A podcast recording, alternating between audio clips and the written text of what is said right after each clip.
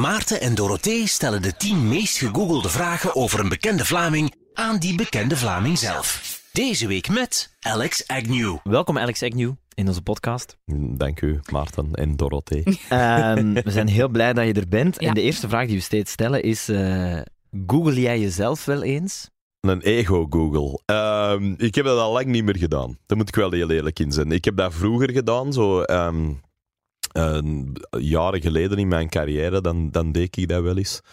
Maar ik ben daar vrij snel mee gestopt, omdat je toch niet te ver moet gaan zoeken vooraleer dat je wel weer een of andere gemene comment tegenkomt of een recensie van een of andere webscene waar je nog nooit van had gehoord dat toch weer iets over u schrijft waar je niet blij van wordt.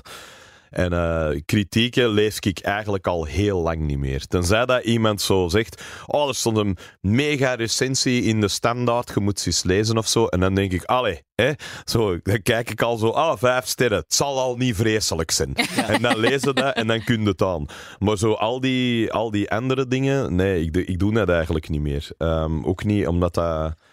Ja, ik moet ook eerlijk zijn, ik kijk bijvoorbeeld ook ehm, zelden tot nooit meer naar mijn eigen shows. Soms heel af en toe, als ik, als ik terug moet beginnen spelen, dat ik denk, hoe deed ik het nu weer? Ja. Hè?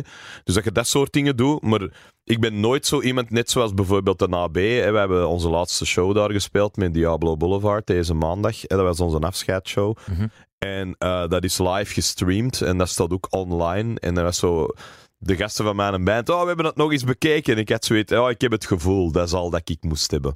Zo, ik hoef dat niet terug te bekijken en dan te denken, ah, die noot was niet helemaal goed. Of, oh, hier was ik... Zo, ik, ik doe dat niet. Ik doe, dat, ik doe mijn eigen dat niet aan. Ik snap dat. Dus eh, nee, ik probeer mezelf zo weinig als mogelijk te googlen. Tenzij dat dat een eufemisme is voor iets anders, dan google ik mezelf minstens twee keer per dag. Eh, er zijn wel heel veel mensen die Alex Agnew googelen. Mhm. Ehm, we hebben de tien meest gegoogelde vragen over u gekregen van Google. ik, ik, ik vraag het mij al af wat het kost. En- Eh. De eerste vraag is, is Alex Agnew Duits? Is Alex nu Duits? Heel funny. Eh, eh, grappig waarom dat, ik, waarschijnlijk omdat mijn Duits accent vrij goed is. Ah, wel, Ehm. het is natuurlijk een, een, een vraag gegenereerd door Google. Wij Mhm. vermoeden dat het te maken heeft met een stuk uit een show. Ja, de Hitler-sketch. De Ja. Hitler-sketch. Maar de Hitler-sketch is ook heel hard eh, van dat, van dat ehm, half Neder-Vlaams-Duits. Zo van dat Ja. Rudy Karel-Duits, zoals ze het vroeger noemden. Of Jean-Marie Faf-Duits. hè, Zo van dat niet echt. Maar ik heb wel ehm, ik heb, eh, in de verte Duitse roots, in de zin van mijn grootvader is geboren in eh, Duitsland. Die heeft de eerste tien jaar van zijn leven gewoond in Düsseldorf, denk ik. Oh, ik zo ben mooi zelf... Ik ben, jij ook niet Düsseldorf, Düsseldorf. maar äh, Düsseldorf. Und ich bin auch, ich bin auch ganz, ich habe ganz viel Sprachen studiert und das war auch Deutsch. Also, en we hebben ook heel veel in Duitsland gespeeld. We zijn ook getekend door een Duits label, Nuclear Blast. Dus we hebben daar veel gezeten. En ik heb ook eh, ja, ik heb talen gedaan, dus en een van de talen was Duits. En ik heb dat altijd graag gesproken. In tegenstelling tot de meeste mensen die dat een lelijke taal vinden, vind ik dat eigenlijk niet. Ehm, en dus ik ben zeker niet Duits, dat ben ik niet. Ik ben half Engels, half ehm, eh, ja, Vlaams, Belgisch. Ehm, mijn mama komt uit Limburg. Dus dat is ook al een beetje Duits, want die zit ook aan die kant, de Maaskant, wordt heel veel meg en deg en kenstig dat niet Ja. en dat soort dingen zijn. Maar je kunt dat zo goed. Maar mijn moeder en- is ook van Hasselt. Ik, Ja. ik kan niet zo spelen met, met die Ja, ik, dat hangt er vanaf. Bij- Ik, ik ook, heel veel dingen verstaan ik ook niet. Hè, die volledig echt plat gaan. Want mijn mama spreekt bijvoorbeeld heel proper hè, Limburgs. Die was ook altijd heel boos op mij dat ik dat Antwerps accent overnam. Dat is het lelijkste accent van de wereld. Je moet dat niet doen. Hè, zo dat. En, en voor mij was dat altijd, ja, ik, ik, ik, ik sprak als klein kind sprak ik ook echt ehm, met een Limburgs accent. Toen ik echt naar school ging Ja, ja, in het ja. begin, in de, in de kleuterklas, dan sprak ik zo. Maar ik had al rap door dat dat niet ging opgaan in Antwerpen. Hè? Dat iedereen rondom mij zoiets had van, mij, jij spreekt raar. En na een tijd, ja, je begint dat gewoon te kopiëren. Ik, Ja. ik ben heel goed in kopiëren. Ik kan dingen horen en... De Andries, waar ik de podcast altijd mee doe zelf, Welcome to the AA, wij, wij, die lacht mij er ook altijd een beetje mee uit. Die zegt ook altijd, ja, als wij in Duitsland zijn en jij babbelt Duits, dat is heel raar, maar jij maakt zo'n klik en jij bent een Duitser. Ja. Zelfs uw stemtimbre is anders wanneer dat jij Duits praat. Dan werd dat zo een klein beetje en dan worden, worden zo'n beetje die, eh, die rare zo, waar mensen van zeggen, wat, waarom, waarom doe jij dat? Maar ik weet dat niet. Ik, ben zo'n, ik heb dat altijd gehad, ik heb dat zelfs met Engels. Hè. Mijn Engels accent is eigenlijk, als ik het spreek zoals mijn, mijn, eh, mijn vader het, het, het sprak, dan doe ik dat met een Noord-Engels accent. Dus uh, I have a northeastern English accent, which sounds like this, which has very round kind of vowels, and it sounds like a bit like Scottish. Maar als ik dan tegen een Amerikaan babbel, dan heb ik automatisch de neiging to kind of go totally American and talk like this. En ik weet niet waarom dat ik dat doe, want dat is raar.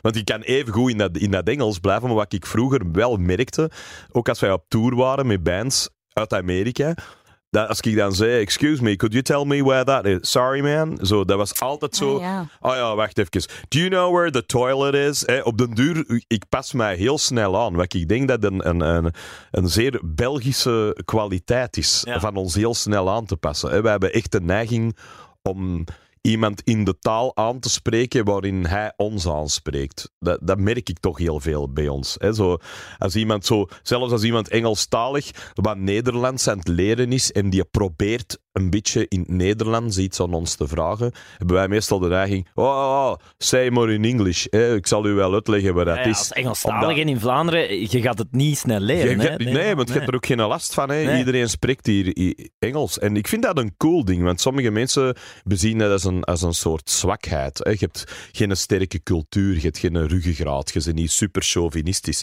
En dan denk ik, ja, waarschijnlijk zijn dat dingen die imperia opbouwen. Hè. Mensen die, mensen die heel hard een ruggengraat hebben en zeggen dat is een... Wel, België zal nooit een imperium gaan opbouwen over heel de wereld. Maar wat wij wel kunnen, en dat vind ik altijd tof, daarom weet ik ook altijd een beetje zot van, zo van die dingen als ehm, de voorpost hè, van het Vlaams Belang, die zo op posters dingen gingen spuiten als Nederlands. En dan denk ik, je bent een van de weinige landen in de wereld waar je in drie talen waarschijnlijk, zelfs in vier, een advertentie kunt ophangen en de meeste mensen verstaan dat. Doet dat, ergens. Doet dat in Frankrijk in een andere taal dan Frans en het is voor de meeste mensen al moeilijk.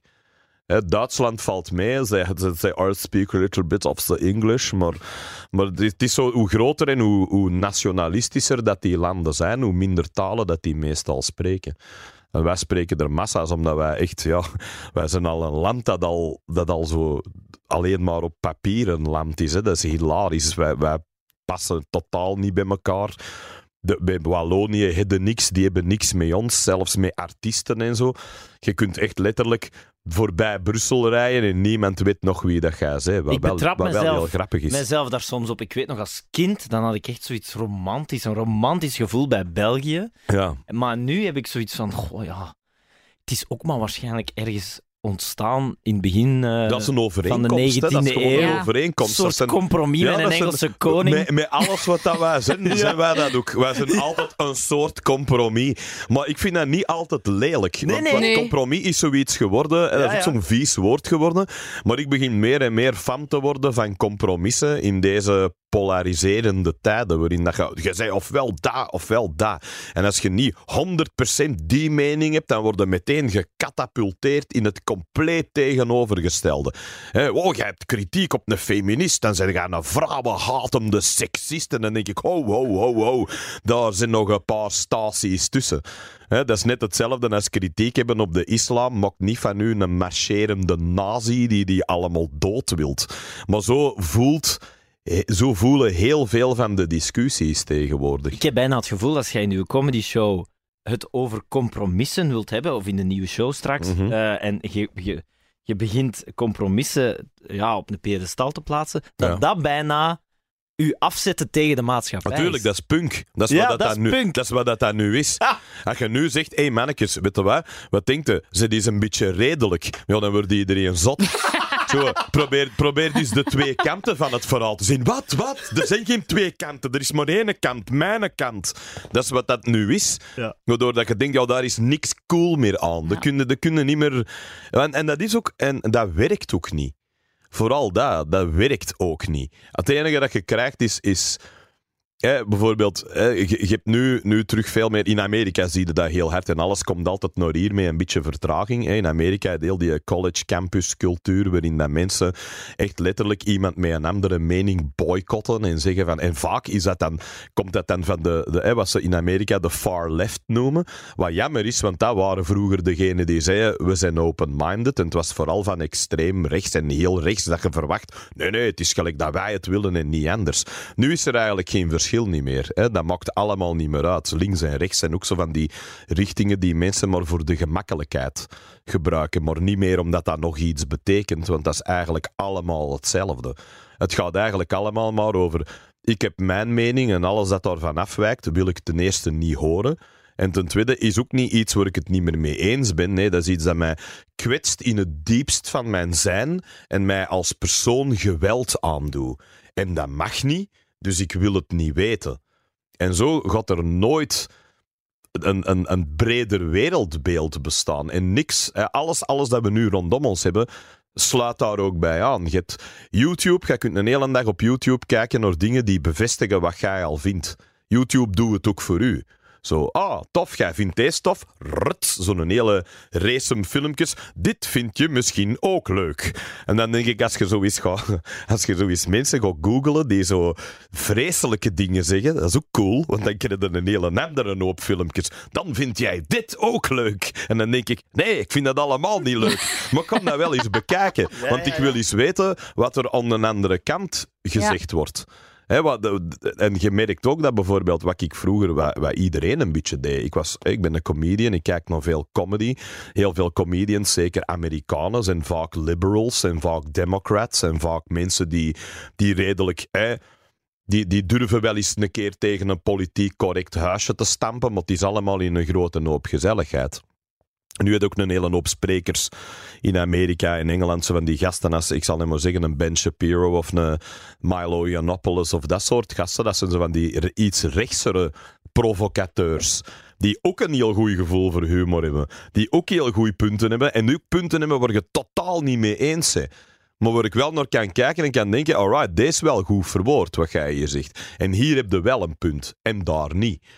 En dat vind ik altijd interessanter. Ehm, dat is zo Bruce Lee's manier van dingen te bekijken. Absorb what is useful, disregard what is not. En dat kun je alleen maar door naar alles te kijken. En te zeggen, dat werkt voor mij en dat werkt niet voor mij. En daar bouw ik mijn mening op. Niet alleen maar uit, ja, deze is mijn kant en alles dat daar tegenin gaat is sowieso fout. En sterker nog, ik wil het ook niet horen vind ik redelijk angstaanjagend als dat, zelfs van Ja. de progressieven vooral, dat dat daarvan komt. Want mensen kunnen altijd zeggen, zei, hè, ik heb dat vaak een paar keer gehad, ik heb ooit zo'n gesprek gehad met Nick Balthazar en die was wat boos op mij, omdat hij zegt, ja, jij bent veel strenger voor links dan voor rechts. En dan zeg ik ook, ja, die stellen mij veel meer teleur. Die is een, dat is een groter verschil. Dat zijn mensen waar ik veel meer van denk, on man, jullie zouden toch net degene moeten zijn als je je eigen hype gelooft dat je open staat voor dingen. En dat is heel vaak ook totaal niet. Dus ik weet niet of dat, dat een antwoord was op een vraag die jij gesteld Dus een hebt. antwoord op de vraag is eh, Alex Agnew Duits. Hmm. Dat is wel het antwoord op die vraag, Ik ben, denk eh, ik. Dus, dus, dus ja, op dat vlak ben ik eh, misschien niet zo Duits als in Eh? 1945, maar eh, Ja. iets Duitser eh, zoals eh, Angela Merkel dan of zo. Ik weet het niet. Veel schaffen das, denk ik. Keine Ahnung.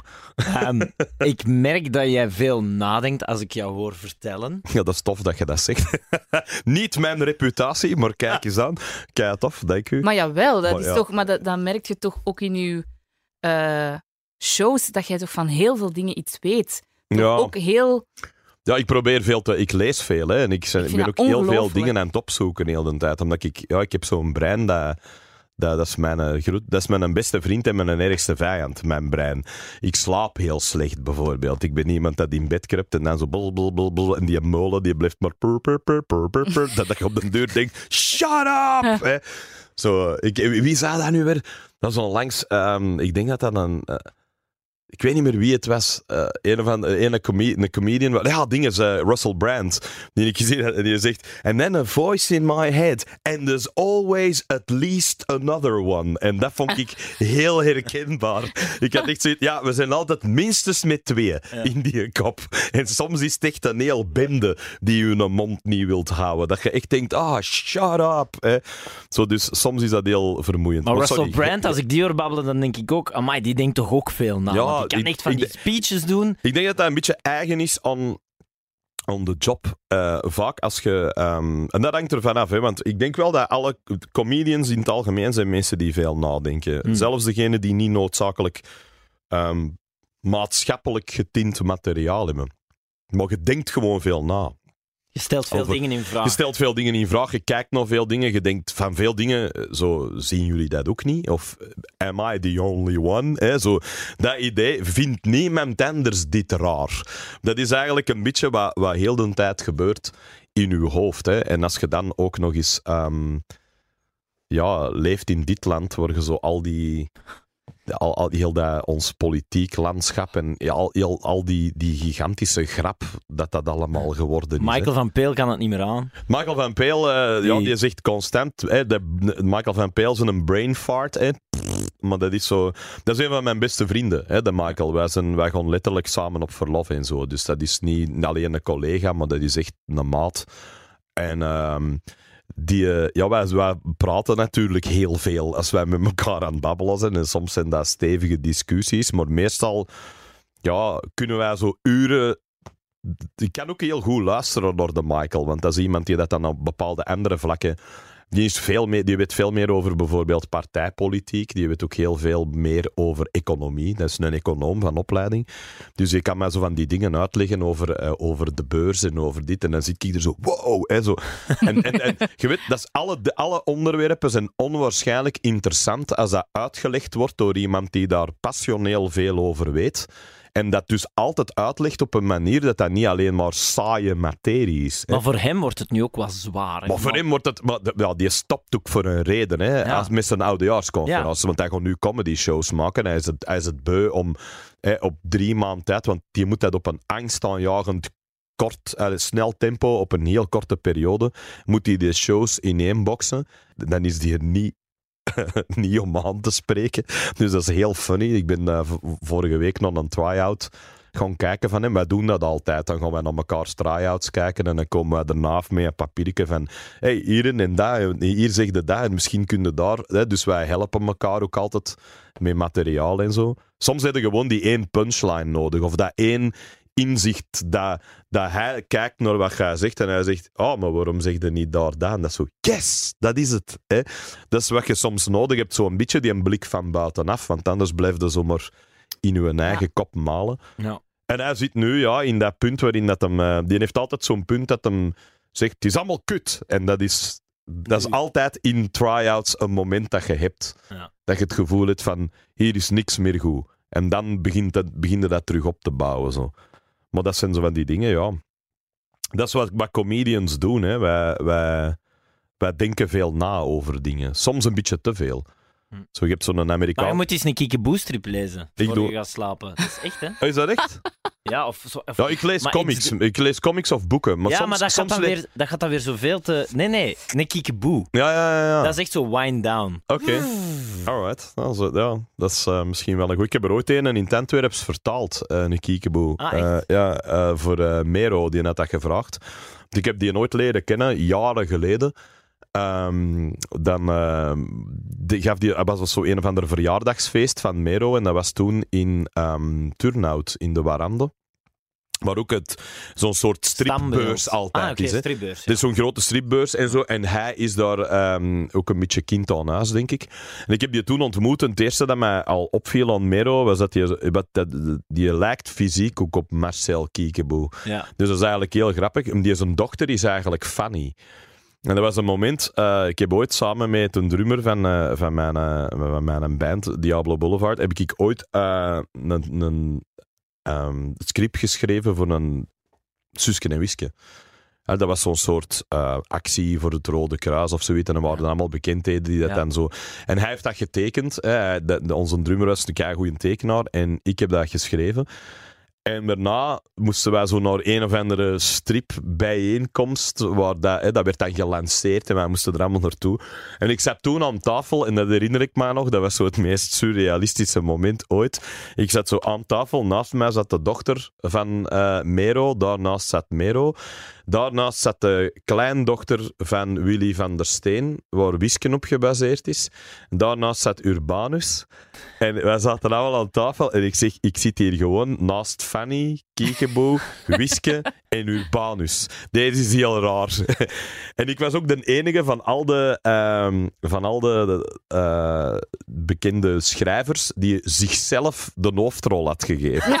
Dus ik zat daar ook in. Dus een, een Urbanus zo... Ja, jij bent nu ook een stripfiguur, hè, Alex? Dus wij zaten er allemaal zo... Zie je ons hier zitten? Dat is een tafel vol stripfiguren. en dat was eigenlijk een heel grappig moment.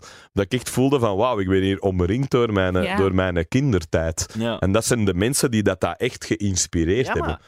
Dus en dat het is daarom heel... dat, ik eh, het, dat ik het zeg, ja. als je zo een periode hebt waarin je kop niet stilstaat, dan kan dat wel deugd doen, zo'n Urbanus of een kickboe. Heb ik zal, ik dat, eh, mezelf ik, al zal dat, eh, ik zal dat eens... eh, ik kom de proef op de som nemen. Voilà. Ik kan dat wel doen, ja. Dat is een goed idee. Bij deze.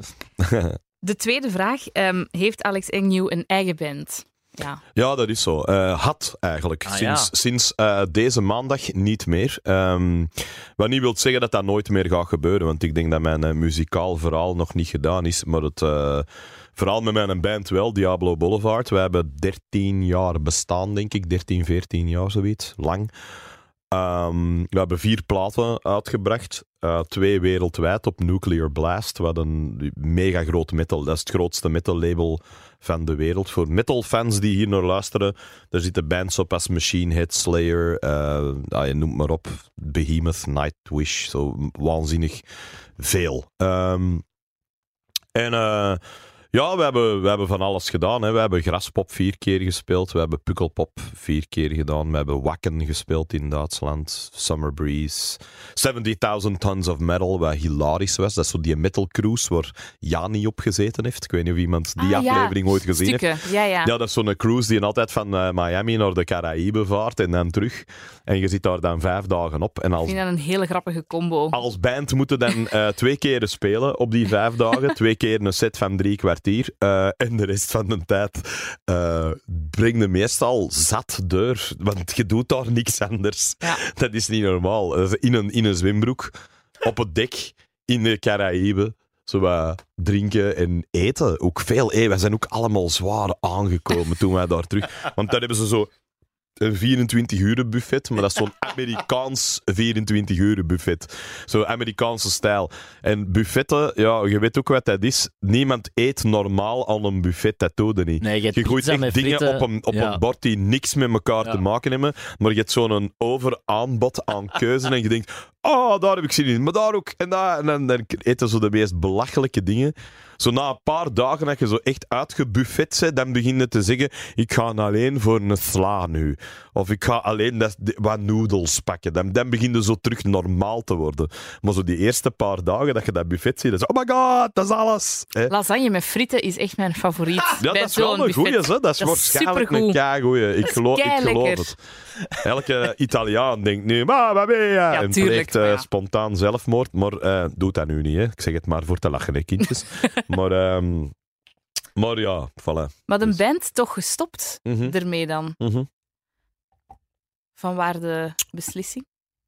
Goh, dat was... ehm, dat was een hele hoop bij elkaar. Wij bestonden al 13 jaar. Ehm, we hadden vier platen uit. We hebben internationale shows gespeeld, maar je merkt ook, eh, dat is een beetje het verhaal van de Vanjets bijvoorbeeld ook, die dat ook stoppen. En veel eh, rockbands stoppen. Eh, dat, is, dat is een, een opeenhoping van situaties. Hè. Je, wordt allemaal wat ouder. Dat wordt allemaal voor iedereen ook niet meer zo gemakkelijk. Ik ben degene met een... Ik heb mijn comedy carrière. Dus ik heb ook... ehm, dat kan ik heel hard afstellen op toeren en Ja. niet. Hè. Ik kan dat veel beter indelen. Dat is ook financieel... ehm, ja, niet onlucratief, mijn, mijn carrière. Dus ik kan het mij veroorloven van ook eens te zeggen, ik kan eens een jaarke met een band toeren, wat niet iedereen in de band kan. Die hebben ook allemaal jobs, die hebben ook allemaal... Ja, hoe repeteer je met vijf mensen de dag Dat van vandaag? meestal, je hebt vaste dagen en je doet dat. En dat ging Ja. bij ons altijd wel goed. Dus dat was niet echt het probleem. Maar het probleem was meer als je op tour moet vertrekken. Veel, vaak als je die, eh, een grote band, hè, internationaal gezien, de grote bands, die zeggen gewoon, we hebben een nieuwe plaat uit. En dan zegt die een boekingskantoor, alright, eh, hier is eh, die een tour, doe er mee, die tour, dat, dat, dat, dat. Voilà, dat is uw komend jaar. En here we go. Bij ons was dat niet. Dus wat is dat internationaal? Je wordt echt gebeld. Zeg, eh, kunnen jullie vanaf volgende week eh, vier weken op tour vertrekken? En voor mij was dat oké. En voor de rest van de band was dat oh shit, loopbaanonderbreking. Ah, damn, ik moet, mijn, eh, ik moet een vervanging zoeken. Want ik, eh, eh, onze drummer die geeft les bijvoorbeeld. Onze Ja. bassist had een gitaarwinkel, dat is een gitaarbouwer. Maar wat dat hij natuurlijk dan moet doen, is zijn zaak dicht doen voor drie weken. En je, je verdient ook nooit iets. Hè? Als je niet bij de, bij de big boys hoort, dan, dan is, is dat altijd, zoals ze noemen in het eh, vakjargon, investeren. Ja. Hè, dat is een heel mooi woord. Je moet investeren in de toekomst. Maar na, na, na vijf jaar investeren, denkt je, nou wordt het wel eens tijd dat daar ook eens iets voor terugkomt. En het landschap is, is ehm, heel druk bezet. Hè. Dat, dat ervaren ook heel veel bands in België. We zijn een klein landje, dus hè, als je een beetje goed bent, lukt dat hier wel meestal. Kun je hier wel best spelen en kunnen dat doen. Hoewel dat ook in de voorbije jaren moeilijker geworden is. Hè. Er zijn veel meer festivals weg. De, de voorbije jaren is dat de, de, de veel, heel veel van die onder de kerktoren festivals, die zijn allemaal verdwenen. En je hebt zo die grote monsters, zoals Live Nation, die zo wat alles opslokken. En ja, dan begint dat, dat begint allemaal zo'n ding te worden van er zijn meer en meer bands en er zijn minder en minder plekken om te spelen. Dus de concurrentie begint ook zo heel onaangenaam te worden. En wat ik een beetje jammer vind, ehm, daarom ben ik ook altijd een grote fan van een sterke underground scene en van mensen die dingen organiseren, zelfs kleinschaliger. Puur en alleen omdat je dan niet alleen maar afhankelijk bent van zo'n een of andere gigant die je gaat zeggen: Gij moogt hier komen staan. Zo, wat ook de lol eruit haalt voor heel veel bands. Hè. Het verplicht ook enorm veel eh, bands en jonge bands ook, denk ik, om bijna in de eerste plaats eh, ehm, zakenman en marketingmensen te zijn. En je moet je eigen band verkopen. En Dat gaat, dat gaat de hele tijd over, ja, waar is uw content? Hè, het mooiste woord voor inhoudsloosheid dat ik al ooit heb gehoord, content. We hebben massa's content. Hè, filmpjes die suggereren om hier, om hier niet te komen werken dan? Ja, wat, ja, maar ja, maar dat is overal. Dat is, dat, is, dat is media, dat is sociale media, dat is alles. Dat is gewoon dat ik denk, content, dat is geen content. Dat is mensen bezighouden omdat ze u anders zouden vergeten. Er gaat zo'n heel, eh, een hele zware angstcultuur vanuit. Vergeet me niet, vergeet me niet. Ik zijn daar nog, hè. Ik zijn daar nog. Terwijl dat ik denk... Ja, en, en dat is niet, ik wil ook niet die vervelende man zijn die loopt te zeggen dat vroeger was het allemaal beter. Dat bedoel ik niet. Maar wat, wat er wel was, herinner ik mij nog, was een tijd dat gasten gewoon gitaren vastpakten, of hé, maakt niet uit wat, en zeiden, hé, we gaan gewoon aan muziek maken. Mhm. En we gaan wat optreden. En we zien wel. En iedereen doet dat en het is allemaal lol. En dan wordt het na een tijd wordt dat altijd serieus. Hè? Vanaf het moment dat er een platenfirma zijn eigen mee begint te moeien en er beginnen sales en er begint dit en begint dat. Maar je hebt toch zo die periode dat je nog kunt zeggen: hey, who cares? En ik denk dat dat ehm, misschien voor sommige mensen, voor jonge mensen, gaat dat misschien wel weer zo zijn, omdat die op een hele andere manier Ja, Omgaan veel meer met die, met die sociale media en Ja. met al die dingen, met al die streamingdiensten, met al dat. Dat is allemaal, hoewel dat van die streamingdiensten ik ook weer één ding kan zeggen, dat is ook altijd hetzelfde. Klaarblijkelijk, in, eh, in, oh, het is vaak op allerlei soorten kunst, maar vooral op gebied van muziek, eh, is het toch precies altijd de bedoeling dat iedereen daar geld aan verdient, behalve de band. Dat vind ik wel heel grappig zo. Ja, je hebt eh, een miljoen beluisteringen op Spotify. Fantastisch, hè? Met dat geld dat dat heeft opgebracht, kunnen we eens allemaal op restaurant, maar we gaan wel moeten opleggen voor de drank. Dat is zo, terwijl ik denk, ja, waar blijft dat geld overal hangen? Ook niet bij Spotify, klaarblijkelijk, want die betalen hun eigen blauw on royalties on platenfirma's. Dus uiteindelijk komt dat toch weer bij Maar ik denk dat ze daarom nu ook hebben toegelaten bij Spotify dat je gewoon zelf je muziek Oh kunt ja, online tuurlijk. tuurlijk. En Omdat des die te, er ook en des te beter, worden. want dan they cut out the middleman. Maar En natuurlijk, dat is wat er vandaag in de dag aan het gebeuren zijn. En dat is wat En des te beter. En des te beter. Ik ben ook een grote fan van lot, lot al die Sonys en Universals, maar volledig op hun bek gaan, wat mij betreft. Alsof, dat we, alsof dat we daar sympathie voor moeten nemen. Zo, oh my god, we kunnen, we kunnen de artiesten niet meer uitbuiten zoals we vroeger deden. Crisis in de muziekindustrie. Ja, zingt maar Titanic. I don't give a fuck. Laten we nu gewoon maar eens aan, aan alle jonge mensen, als je het kunt doen zonder dat soort inmenging, doe dat. Een Macklemore, wat een held, man. Die, die is dat, dat, dat, dat nummer, eh, Thrift Shop, Ja. is die gewoon verkopen aan elke platenfirma. Die, die hebben weggelachen overal. Die heeft dat uit in eigen beheer uitgebracht. Ja, die moet nooit nog iets doen voor de rest van zijn leven. Hè. Als die nu naar een platenfirma stapt om toch te zeggen, doen jullie de distributie, dan is dat on his terms. Die wandelt binnen en die zegt, ik moet niks van allen nemen, behalve alles. Als je mijn plaatje wilt, dan ga je er door je neus voor mogen betalen. En ik vind dat een mooi soort poetic justice, want er zijn miljoenen verhalen van artiesten die veel platen... Van Queen. Queen is een band die dat in de jaren 70... David Bowie, net hetzelfde. David Bowie, die in de jaren 70 massa's platen verkocht. En in het begin van de jaren 80, voordat hij Let's Dance maakte, was die bloed... Dat kunnen wij je toch niet inbeelden. Die Low Hero en Lodger plaat, die, die Berlijn-trilogie dat hij geschreven heeft, dan woonde die op een appartement met Iggy Pop.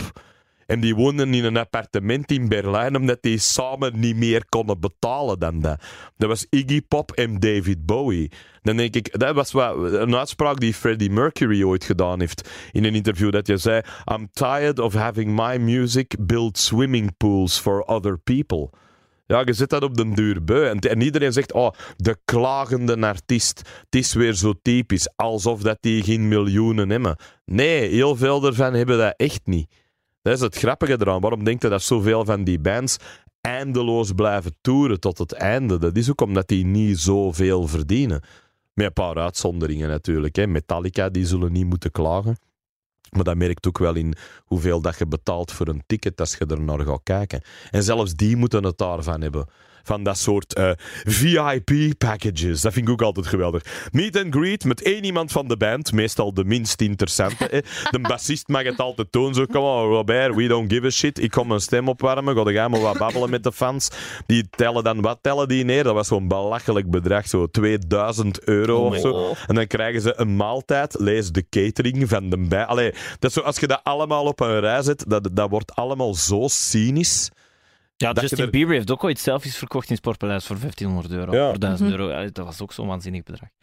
Maar ik vind het zo grappig, want Mhm. ehm, eh, eh, wat ook wel mooi is, is dat de twee tegenstelden in de media hier dan ook weer tegenover elkaar zitten. Wij zitten hier in de studio van Q-Music. Wij maken straks een programma met 100 middlemans. Ja. En jij maakt een podcast met zero middlemans. Dat is toch ook wel mooi. Ja, tuurlijk. Tuurlijk is dat mooi. Maar dat, dat, jij dat zijn ook de- geen middelman nodig hebt. Nee, ik vind nee, wat nee. wij doen ook Ja, mooi. Wij bereiken heel veel mensen ja. en wij kunnen een verschil maken en ik vind dat fantastisch.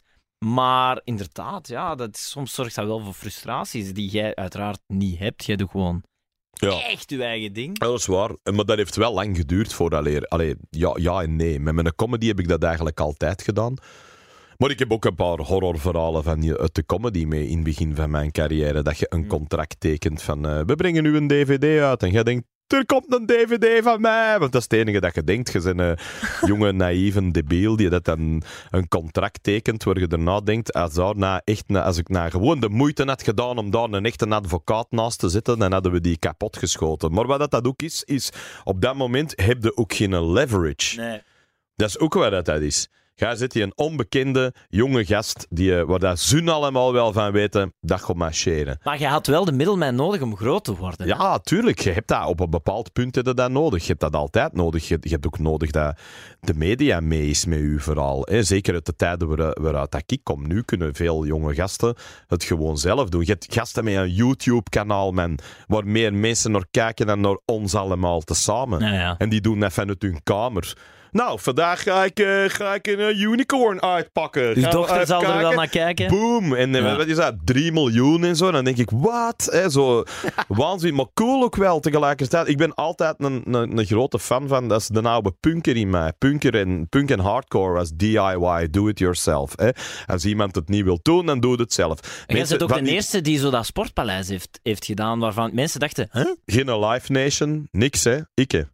Ikke in mijn Maar hoe manager. gaat dat dan? Bel jij het al. sportpaleis en zeg jij... Nee, die, eh, wa- wa- hoe dat, dat gegaan is, is... Hallo, ik heb, eh, Sportpaleis? hallo, Het Sportpaleis. is hier met mij. Het is hier met eh, Alex. Ik, ik weet dat jullie op mij zitten te wachten. Zet de poorten maar open. Eh, ik heb eh, gezien dat ik een paar gaten in mijn agenda heb. En dan kom ik langs. Hè. Dat is, eh, dat, zo is dat uiteraard niet gegaan. Wat dat was, was... ehm, eh, dat was een, een beetje een combinatie van factoren. Ik was tien jaar, iets meer dan tien jaar bezig, maar dat stond mooier op de poster. Eh, en ik... eh, ik, ik kreeg ehm, vaker en vaker jonge mensen bij mij. Ik ga na de show ga ik altijd, eh, ik verkoop t-shirts en zo. Dan ga ik wat aan de merch staan en dan babbel ik met mensen en signeer ik die hun eh, stuff, wat die dan ook willen. Gaande van schoenen tot dvd's, tot een stuk van een stoel dat iemand ooit had meegepakt tot een zaal. Waanzin, maar wel grappig. Ja, ja, mensen gaan ver. zo. Er was er ene die zelfs een deze met de bezemkast was gaan stelen van een cc om die dan door mij te laten signeren. Ja. Dus eh, ik weet niet welk cc het was, maar als jullie een bezem missen, daar was hij naartoe. Ehm, in ieder geval. eh, en de- ik had veel meer, eh, heel veel jonge mensen die mij hebben leren kennen door YouTube. En die dat dan zeiden van, zeg, die dingen, doe jij dat nog? Hè? Zo, die grappen over Star Wars of die grappen over hè, de supermarkt of dat. En ik had zoiets, ja nee, dat is al lang geleden. Dat zijn mijn oude shows. Ik speel dat niet meer. Ik speel nieuw materiaal. Maar ik kreeg dat vaker en vaker en vaker. En op een bepaald moment dacht ik, ja, misschien moet ik dan zoiets een best-of doen. Hè? Live voor de mensen die mij nooit gezien hebben, maar die te jong waren om die eerste tour of die tweede tour gezien te hebben, dat die kunnen komen kijken. En dan kreeg ik een voorstel eh, van, van eh, een organisator die zei, ja, Vorst Nationaal wilde dat niet doen. En ja, ik zag al, oh, ik zag nieuw Vorst Nationaal. Ik dacht, wauw, dat klinkt wel cool. En ik zeg voor te lachen, "Ha, waarom niet Sportpaleis? Hè? Omdat dat ook in Antwerpen is, omdat dat thuisbasis is. En dat is ook groter. Hè? Dat, is, dat is de indoor arena eh, in België. Ja, dus ik dacht, ja... Nationaal zou niemand u verstaan hebben ook. Hè, Ook de al, hè, dan, dan zouden ze al... Ja, voilà, die klank sukt er ook. Dus, ehm, dus dat is duizend en één redenen. Maar ik, ik, dat, dat ging op. Ja. Hè, dat, dat, dat vliegerke ging op en ik dacht, ah, dat is misschien grappig. En mijn manager, eh, dat is zo'n rare, weirde neuroot dat bijna lijkt op een mens, maar het zo net niet helemaal is, gelijk de meeste managers zijn. Hè. Dat zijn niet echt mensen, hè. Die, die hebben zo wat... Dat, dat lekt erop, maar die missen zo'n paar essentiële dingen, zoals people skills en zo, waardoor dat die keigoed zijn in onderhandelen. Because they really don't give a shit wat Ja, dat is- vindt. dat is- is Dat is echt wat die zijn. Dus die zijn eh, en hij is dat ook, maar eh, God bless hem. En ik geloof niet in God, dus hey, maak ervan wat je wilt. Maar in ieder geval, dat is, ehm, dat is een gast die, eh, die, die, die, die, die dacht dan, ah ja, ja ik, kan, eh, ik kan eens maniacaal met mijn tabelletjes bekijken hoeveel volk dat jij bereikt hebt met je afgelopen tour. En die komt naar mij en zegt, ja, 150.000 man is naar u komen kijken. 15.000, dat moet lukken, hè. Dus wij hadden zoiets, ah, ja, oké. En die had zo'n heel businessplan opgesteld en die is ermee naar het Sportpaleis gegaan. En die hadden zoiets, oké, ja, ja wie, wie weet, ja. Als ik uw cijfers zie, dan moet dat kunnen. Maar die waren ook een beetje zo...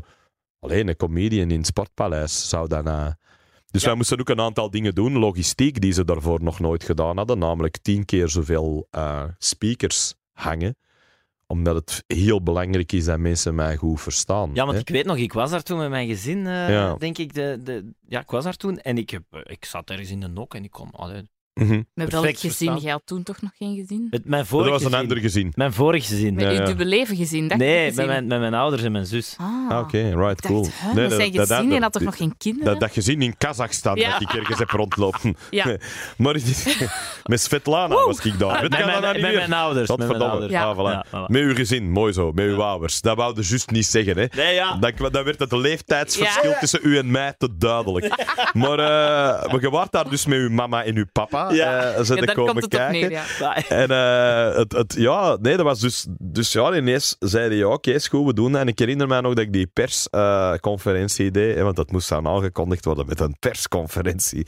En ik zat daar al en ik dacht, oh god, ik haat dat allemaal. Dat is zo, die kant van de business vind ik allemaal vreselijk, maar is goed, hè. Zeg je dat? eh, noodzakelijk kwaad soms. Dus ik kondigde dat aan en die zaten zo naar mij te kijken allemaal. En ik herinner me dan nog dat hij zo... ik hoorde net niet zo van de pers. Zo, really? Ga jij dat doen? En, en mijn toenmalige eh, platenfirma, ik zal ze niet bij naam noemen, maar mensen die, eh, die eh, geschiedenis kunnen checken, weten wel wie dat ik bedoel. Die kunnen Die googlen al- als het Die ware. kwamen, die kwamen naar mij en die zeiden van... eh, nou ja, ja, er zijn wel heel erg veel formules. Je kan het podium naar voren zetten en je kan doeken hangen. En je kan hè, zo, zo van, als er geen volk komt, krijgen we het wel. En ik had zoiets, nee, nee, dat gaat vol zitten. Dat was bij mij echt, ik dacht, en ik gelo- i- iets in mijn kop zei, dat kan dat dat helemaal niet is. Maar ik dacht, nee, nee, nee, dat gaan we niet doen. Hè. Dat gaat vol zitten. En de grap was, dat ging in verkoop. En de volgende dag kom ik een vriend van mij tegen. Dat is op een vrijdag in verkoop gegaan. Zaterdag was ik in de speeltuin met mijn dochterken. En ik kom de maat van mij tegen. En die zegt, hey man. Zegt, zeg, eh, ik probeerde uh, kaartjes te kopen vandaag, maar al de goeieplutsen zijn al bezet. Je moet al boven zitten. En ik zo, wat? Hè, dus ik bel zo naar, naar de manu, mijn manager. Manager. En, ja. ja, hij heeft het gedaan. En, eh, en, en eh, die zegt, eh, ja, ja, ja. Hè, die zegt, dat, is- dat, dat gaat hard. En dan die maandag daarop zei hij, ja, we gaan er een andere moeten aankondigen, want dat gaat vol zitten. En dat was echt zo, wat? Hè? En zo geschieden, hè, en daar Ja. kwamen er altijd maar bij. En eh, dat zijn er dan uiteindelijk vijf geworden. En een tweede keer dat ik het gedaan heb, waren het er vier. Maar die, die zaal is altijd in capaciteit vergroot. De eerste keer dat ik er speelde, was dat 12.500, denk ik. Zittend, hè, met zittend publiek in het midden. Want dat is een serieus verschil met als je allemaal mocht staan. En nu is dat 15 of 16.000. Dus, en dat is wel, dat is veel, hè.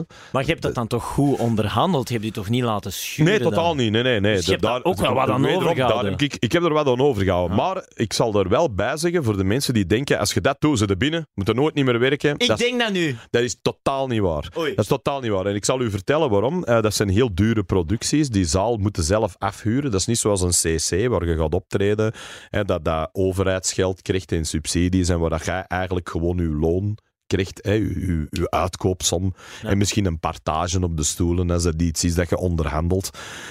maar dat is het eigenlijk. Maar, maar het Sportpaleis begint al met dat je dat kot moet afhuren. En dat kost al belachelijk veel geld. Ik heb daar geen idee Elke van. lamp die erin gedraaid wordt, kost u ook geld. Iedereen dat er rondloopt, kost u geld. Hè? De Ja, ja. technici die dat opbouwen, heel dat vooral. De catering, Ja. je betaalt voor alles.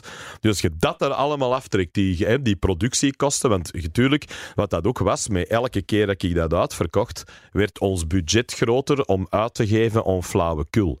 hè? Dat bedoel, als ik er ene keer had gestaan, had ik er gestaan met een, hè, een, een, een pseudo-decorken en een lamp.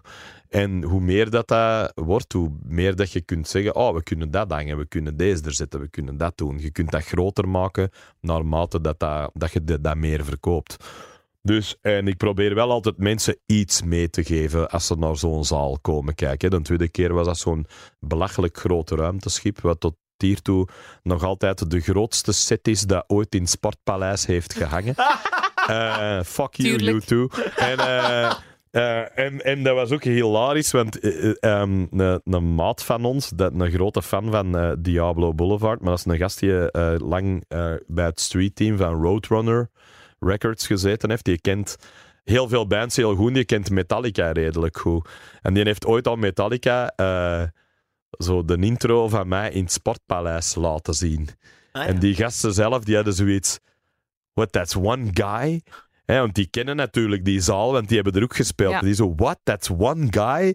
That's his fucking set? Zo, holy shit. Zo, wie is die gast? Hè? En dan zei hij tegen Lars Ulrich, oh, gaat die nooit, ge- die heeft daar ooit geïnterviewd. Hè? En hij zo, oh, really? Hij zo, holy shit, is, is dat wat dat die doet?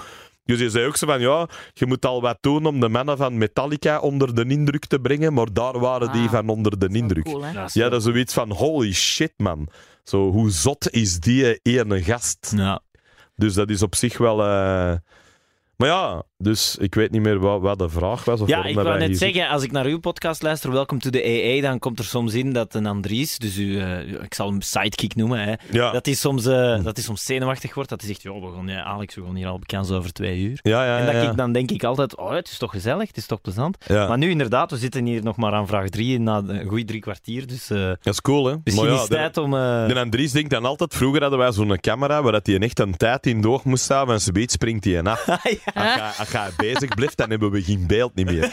Dus dat is, eh, dat, dat is het DIY-aspect, Ah, ja, waar dat jullie daar geen last van hebben. Soms is de middleman wel eens handig voor iets. Ja. Maar goed, de derde vraag zijn eigenlijk... Er, er viel geen vraag van te maken. Het zijn gewoon zoektermen die samen worden ingevoerd. Ehm, Alex Agnew, winkel. Oké, eh, waarschijnlijk supermarkt, denk ik. De Ah, supermarktsketch. de, de, de, de, de zakjes. Dat zal de supermarktsketch zijn. Ja. Ik ben er zeker van. Dat van mijn... is gedateerd, want krijg ik al nog zakjes. Ja, Die inderdaad. sketch. De die. Ja, ja. Inderdaad. Ja, Krijg je al nog een zak? Ja. Eh, Nu zijn ze weer terug, klaarblijkelijk. Ik weet het niet. Het is, het is it's all confusing. was wel heel herkenbaar, Dat is die sketch heel van de ja, die supermarkt. is ontstaan in de supermarkt. Uiteraard, ik stond aan te schuiven en ik was mij enorm druk aan het maken. En ik begin af te geven op mijn vrouw. Hè, zo... Allee, wij zijn weg, aan het wegwandelen. Ik deed dat niet voor de kassière. Hè. Je staat daar zo te stressen en je gaat. Ik zeg, godverdomme man, dat dit en bla bla bla. En eh Jasmin, mijn vrouw, die zei toen tegen mij, schrijf dat op, deze is kei grappig. en ik had zoiets, oké, en ik heb dat gedaan en ik deed dat. En dat zo, je hebt soms zo van die stukken die een instant hit zijn. Je doet dat en je voelt direct dat het resoneert bij iedereen. Zo, iedereen dat er zit, heeft zoiets, yes, ja, ja. Zo, dat, dat, dat, hè, wij vinden dat allemaal en eindelijk zegt iemand dat. En vandaar denk ik dat dat een hele populaire sketch Alle is. supermarktclichés ook op een hoop. Hè. De por in uw, in uw poep van de vorige. Ja, Allee, ja, ja. Degene die achter u staat. De, de bomma die haar geld aan het tellen is. En- Ja, we hebben er echt letterlijk zo. Dat heb ik ooit eens een, een meegemaakt die echt alles met centjes begon te betalen. Maar dat er dan zo, als je dan er met twintig man achter staat, die wilde echt, echt, echt in elkaar. Ik wou bijna die jouw rekening betalen. Ik had gewoon zo weet, iedereen mijn kaart, kom, betaal dat gewoon, dan zijn wij hier weg. Ik word hier zat van. Ja, dat was niet normaal. Ja. Enfin, maar als je hem nog niet gezien hebt, eh, Ja. google that shit, want het is heel, heel, heel tof. Voilà. Eh, de vierde vraag. Hoe oud is Alex Agnew? Hoe oud is Alex Agnew? Haha, hoe oud denk je dat ik ben? Zo'n typisch antwoord. Eh, ik ben van eh, 22 december 1972, dus ik word volgende week eh, 46. Dus ik ben, eh, ik ben nu dichter bij de 50 dan bij de 40. Wat Ja. doet dat met jou? Ja, dat was vreselijk, dames en heren. Ik zal het er even bij zeggen. Ik ben eigenlijk iemand dat ehm, leeftijd altijd heeft laten passeren. Dat heeft mij nooit iets gedaan. 20 jaar worden was geen hoogtepunt, 30 ook niet. Tussen mijn 30 en mijn 40 waren eigenlijk heel leuke jaren, want dan denk ik zo... Hè, dan is mijn carrière vertrokken en dan is dat allemaal begonnen. Ik ben als late twintiger met mijn comedy-carrière begonnen en... Sindsdien was het allemaal heel leuk. 40 worden was ook zoiets. Hè? Ja, 40 is the new 30, life begins at 40. Dat interesseerde mij allemaal geen hol. Er ging maar weer een 4 voor staan en voor de rest maakte het mij niet uit. En 45 worden was ineens bij mij zo... What? Oh my god. Hè? Iemand zei tegen mij, ja, je zit in de helft. En ik dacht, als je denkt dat ik 90 ga worden, I don't know. Misschien word ik dat helemaal niet. Misschien ben ik al lang over de helft. Eh, ik weet het niet. Maar eh, dat was wel de eerste keer dat ik zo ehm, een beetje iets heb gehad eh, tussen mijn 44 en mijn 45. En mijn 46 eigenlijk. Zo het laatste jaar ertussen ben ik zo een beetje door een midlife wel gegaan. Niet zo een midlife van ik kan een oorbel laten schieten in een cowboyclub. eh, eh, motto. Of een motto kopen en zo'n vest met van die, van die frennen aan. En get your motor running. Ik ben nog jong. Zo dat niet. Maar, eh, maar, maar meer zo het, eh, het, het gevoel van... Wat ga ik nog doen? Hè? Wat heb ik al... Ik heb redelijk wat bereikt, kan ik wel zeggen. Ehm, waar, wat ga ik nog doen? Wat wil ik nog doen? Is dit alles? Dat. Is dit alles? Dat typisch gevoel van, ook zo, tuurlijk, mega luxe probleem. Want je zit er dan hè, in je zetel niet te moeten gaan werken van, "Oh, is dit alles? En de meeste mensen denken, ja, daar doen we het eigenlijk allemaal voor lul. Hè. Dus ik verwacht ook geen sympathie of zo. Ik, ik, wil- niet dat mensen denken, oh, garme de Alex en zijn leven. Maar ehm, ouder worden, ik, begon, ik begin ook fysiek wel te voelen dat ik ouder ben. Hè. Uw haar wordt dunner, je wordt wat grijzer, je wordt... Je je gewicht gaat er minder gemakkelijk af, je moet er meer moeite voor doen. Zo al dat soort, al dat soort dingen. Je begint ook te voelen van, er zijn ook een aantal dingen wat zo typisch is. aan Ik bedoel, ik ben ook zo tekstboek als het maar kan zijn. Er is echt niks. Als je al die clichés, tien clichés over midlife crisis, dat waren ze allemaal. Hè. Eh, zo het gevoel hebben van, ja, bij de Rode Duivels voetballen ga ik nooit meer doen. Ik dacht, ja, maar dat ging ook niet doen als je 12 wordt. Hè. Dat ging nooit gebeuren, because Nee. you sucked at football. Maar je, je krijgt zo dat, dat gevoel van dat er zo bepaalde dingen zijn die niet meer gaan gebeuren. Of die... En dat was zo'n hele hoop van die dingen waar ik over begon na te denken. En ja, ik heb daar wel even mee gezeten. Nu begin ik er wel... Ik ben er wel uit, denk ik. Ik voel wel veel meer van, hey, eh, zo, have fun en, en zie maar. Want dat is ook leuk. Daar gingen ook dingen afgesloten worden, zoals Diablo Boulevard. Ik ben ook gestapt met de zwaarste lijst na tien jaar te presenteren, omdat ik zoiets had van... Het is eigenlijk A, al tien jaar hetzelfde. En B, hoe lang kun je dat nog doen en geloofwaardig blijven? Ik bedoel... Ja, come on, jongens, metal, metal. Dat ik denk, je wilt niet die oude rocker zijn. Dat is ook zo zielig als dat maar kan zijn. Ja, hij legt dat trouwens ook perfect uit aan Alex eh, in zijn gesprek met Aiko Duister. Dat is, Ja. Daar gaat het daar lang over. Hè, over Ja, en eh, Aiko had net hetzelfde. Hè. Aiko Ja. had ook zo'n gevoel van ja, Studio Brussel rondlopen met mensen die, als je Nirvana zegt, die die referentie niet meer hebben, omdat die gewoon veel te jong zijn. Ja, op den duur worden die jouw doos. Hè. Dat is het gevoel dat zij ook heel hard En hoe ga je daar nu tegenin? Wat zijn nu de nieuwe kansen Ik of de nieuwe dingen? Niet, ik probeer daar vooral niet tegenin te gaan. Dat is een, heel, een, een ding waar ik lang mee... Dat, hè, je maakt altijd een idee van je dat dat zo'n strijd moet zijn. Ja. En dan denk ik, nee, dat hoeft eigenlijk niet. Hè. Wat ik bijvoorbeeld heb gedaan, is... eh, dat is zo'n typisch ding dat je doet als je een beetje ouder wordt. Of, of dat ik doe, ik zal voor mezelf spreken. Dat is zo... oh, al die nieuwe muziek. En, en dan dacht ik, ja, je hoort, u, je hoort echt letterlijk je eigen vader praten. Hè. De jeugd is met hip-hop bezig. En dan denk ik, ja, ik heb ook jarenlang naar hip-hop geluisterd, hè, in de jaren 80 en de jaren 90 ook. En ik dacht, weet je wat, ik kon eens wat nieuwe stuff kopen. En wat nieuwe stuff checken. Zo dingen dat ik totaal niet ken. Gewoon eens luisteren naar wat dat iedereen nu zegt dat cool is. En zien of dat ik daar ook iets kan uithalen dat ik leuk vind. Hè. En niet alleen maar er zitten en zeggen: "Ah, ja, vroeger deden ze dat zo, hè. dus dat is nu niet meer goed. En wat leuk was, was dat ik ook dingen heb ontdekt die ik wel tof vond. En waar ik van dacht, alright, cool, deze is... Hè. En je voelt dat er zo ehm, een deel is van bijvoorbeeld jonge mensen, als het nu over muziek gaat. Hè. Er staan nu heel veel artikels in kranten over... eh, hip-hop is nu... eh bestaan nu uit publiek dat, waar moshpits plaatsvinden en circle pits en dingen dat vroeger hardcore en, en metal waren, doen nu hip-hop kids. Timmy en Mike doen het ook, hè? Ja, en de Dimi, hè, like Mike, Dimitri Vegas, hè, dansmuziek en hip-hop. Dat is vooral waar de meeste jongeren naar luisteren. En dan denk ik ook, ja, wat is daar mis mee? Weet je, ik kan mijn eigen daar mega kwaad in maken als ik dat wil, omdat niet meer mee een gitaar is. Zo Bill Burr, een Amerikaanse comedian, heeft een geweldig stuk erover dat hij zegt... ehm, I, I, I gave that new music a try. I lasted 12 seconds.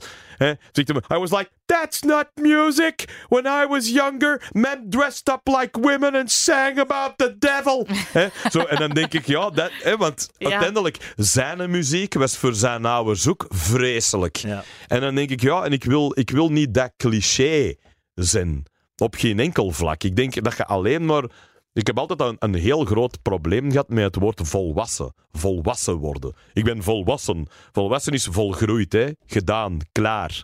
Kan niks niet meer bij. We hebben beslist dat deze is wat het gaat worden. Ik heb niet beslist dat deze is wat het gaat worden.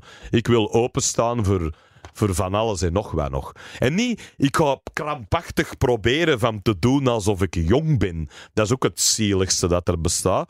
Maar wat ik wel, wel leuk vind, is als iemand jong tegen mij begint over iets, heb ik nog wel notie met wat dat bezig is.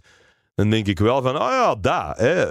Ja, ik vind dat er wel cool aan en dat is niks voor mij. Je hebt ook een aantal artiesten waar ik echt van denk, ja, hier heb ik niks niet meer aan. Maar ik bijvoorbeeld kei een hele leuke cd vind, ene, eh, of cd, Ik hoor opa Ja. praten over verouderde... Maar ik zet nog cd's op in de auto. Ik koop die dingen nog, dus bedankt mij allemaal maar, eh, artiesten, want dan zie je dat je nog 1 euro royalty per cd dat je krijgt op het einde van het jaar van Sabam.